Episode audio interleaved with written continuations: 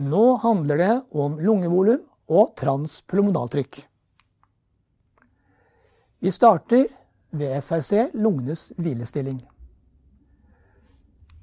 Som er definert av en likevekt mellom krefter som virker i motsatt retning, og som karakteriseres ved utspilte alvoler i toppen og mer sammenpressede alvoler i bunn. En effekt av gravitasjonen. Så skal vi snakke om disse trykkforholdene som oppstår i lungene og i thorax pga. dette samspillet mellom kreftene som virker.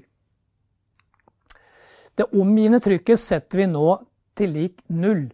Og dere ser at trykkbenevnelsen er centimeter vann. Det skal forstås slik at det dreier seg om vekten av en vannsøyle. Det er, den vekten i, ulike centimeter vi snakker om her. Så vi er jo omgitt av et atmosfærisk trykk, men vi setter nå for enkelhets skyld det trykket til null. Når vi har fullført en, en utpust og alle luftveier er åpne, så vil lufttrykket inni den enkelte alvole være den samme som i omgivende luft.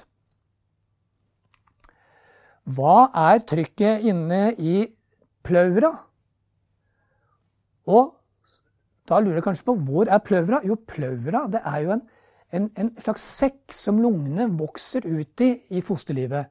Som omgir lungene med et lag som er klebet til lungenes overflate og et lag som er klebet til thoraxveggens innside. Men det er ikke noe rom, for disse lagene er limt tett inntil hverandre.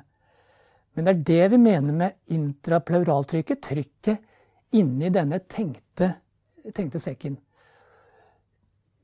Men det trykket er det samme som det generelle intratorakale trykket, som omgir da hjertet og lungene. Så i det følgende, for å forenkle, skal vi bare droppe akkurat dette, dette, dette, den tegningen av, av pleurarommet, og vi snakker da om alt som intrapleuraltrykk. I dette tilfellet er, tenker vi oss at det er, det er, negativt, og vi setter da tallverdien minus 5. Det er en sånn gjennomsnittlig tallverdi.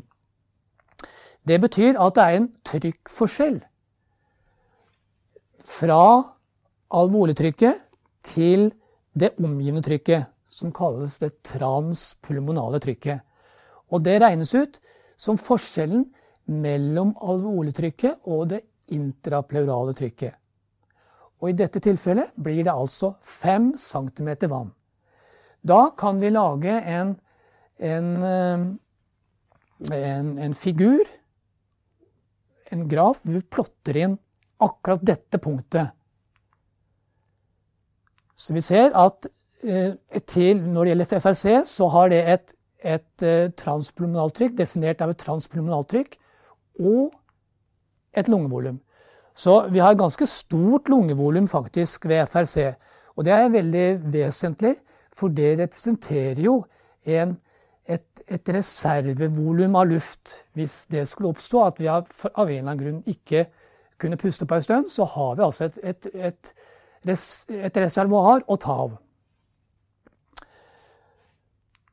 Så trekker vi pusten, et vanlig innpust, som er ca. en halv liter. Akkurat her har jeg sagt 0,6 liter. Det, det, kan jo variere litt. Vanlig innpust.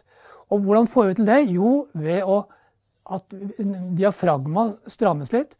Den trekkes nedover som en slags eh, liten blåsemelg, Og så, på grunn av det undertrykket som da finnes intrapleuralt, så følger lungene etter. Da blir jo dette undertrykket større. Eh, og det er nå eksemplifisert ved at vi sier at nå er undertrykket økt til minus 7,5 cm vann. Og transpulmonaltrykket blir da Kommer da inn på denne figuren på denne måten. Slik kan vi fortsette med ulike, ulike lungevolum. Vi kan tenke oss at vi virkelig puster inn alt vi klarer. Og det, nå er det ikke bare diafragma som går ned, men også thoraxveggen vil nå utvide seg. Og da blir understykket enda større. Og når vi plotter inn på denne figuren, så ser vi at vi Vi, vi havner helt oppe til høyre. Og slik kan vi fortsette med volum etter volum. Vi kan ta residualvolum. Vi klemmer ut av oss all lufta vi klarer. Eh, da, da presser vi også sammen thoraxveggen. Fremdeles har vi et undertrykk i intrapleuralrommet. Og vi kan fortsette med ulike lungevolum. Og så kan vi trekke en linje gjennom disse punktene. Og da har vi fått et, et bilde på en, en statisk trykk-volumkurve. Hvis vi ser på trykkforskjellen eh, og den resulterende volumendringen, så ser vi at man får mest volumendring for en gitt trykkendring i området fra FRC og oppover. Det vil si, det vil være lettest å puste under normale forhold fra FRC og et stykke oppover. Det beror jo i stor grad på utseendet av alvolene ved de forskjellige lungevolum. Når vi har total lungekapasitet, så vet vi at alle alvoler er utspilte. Da kreves det mye energi for å oppnå en ytterligere økning i volum. Eh, I motsatt ende, ved residualvolumet, så er en del alvoler sammenfalt. Og da kreves det faktisk en del energi å åpne disse alvolene i løpet av et innpust. Derfor får man eh, også en, avflating av kurven ved lave lungevolum. Vi snakker om lungenes utvidbarhet. Og det er forholdet mellom forskjell i volum delt på forskjell i trykk. Eh, det kalles også compliance og måles da i milliliter per centimeter.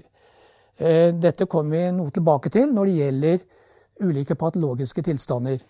Eh, hvor kan Hvor dette lungevolumet FRC faktisk kan flytte seg litt opp og ned på denne på denne grafen. Dette var altså en statisk trykk-volumkurve. Da skal vi oppsummere. Det er slik at Til ethvert lungevolum hos den enkelte person svarer et transpulmonaltrykk. Dette er det samme ved spontan pusting og også ved overtrykksventilasjon, som f.eks. respiratorbehandling. Og den statiske trykk-volumkurven for lungene kan forklares ved alvolenes størrelse ved ulike lungevolum. I normalsituasjonen er det lettest å puste fra lungenes hvilevolum, altså FRC.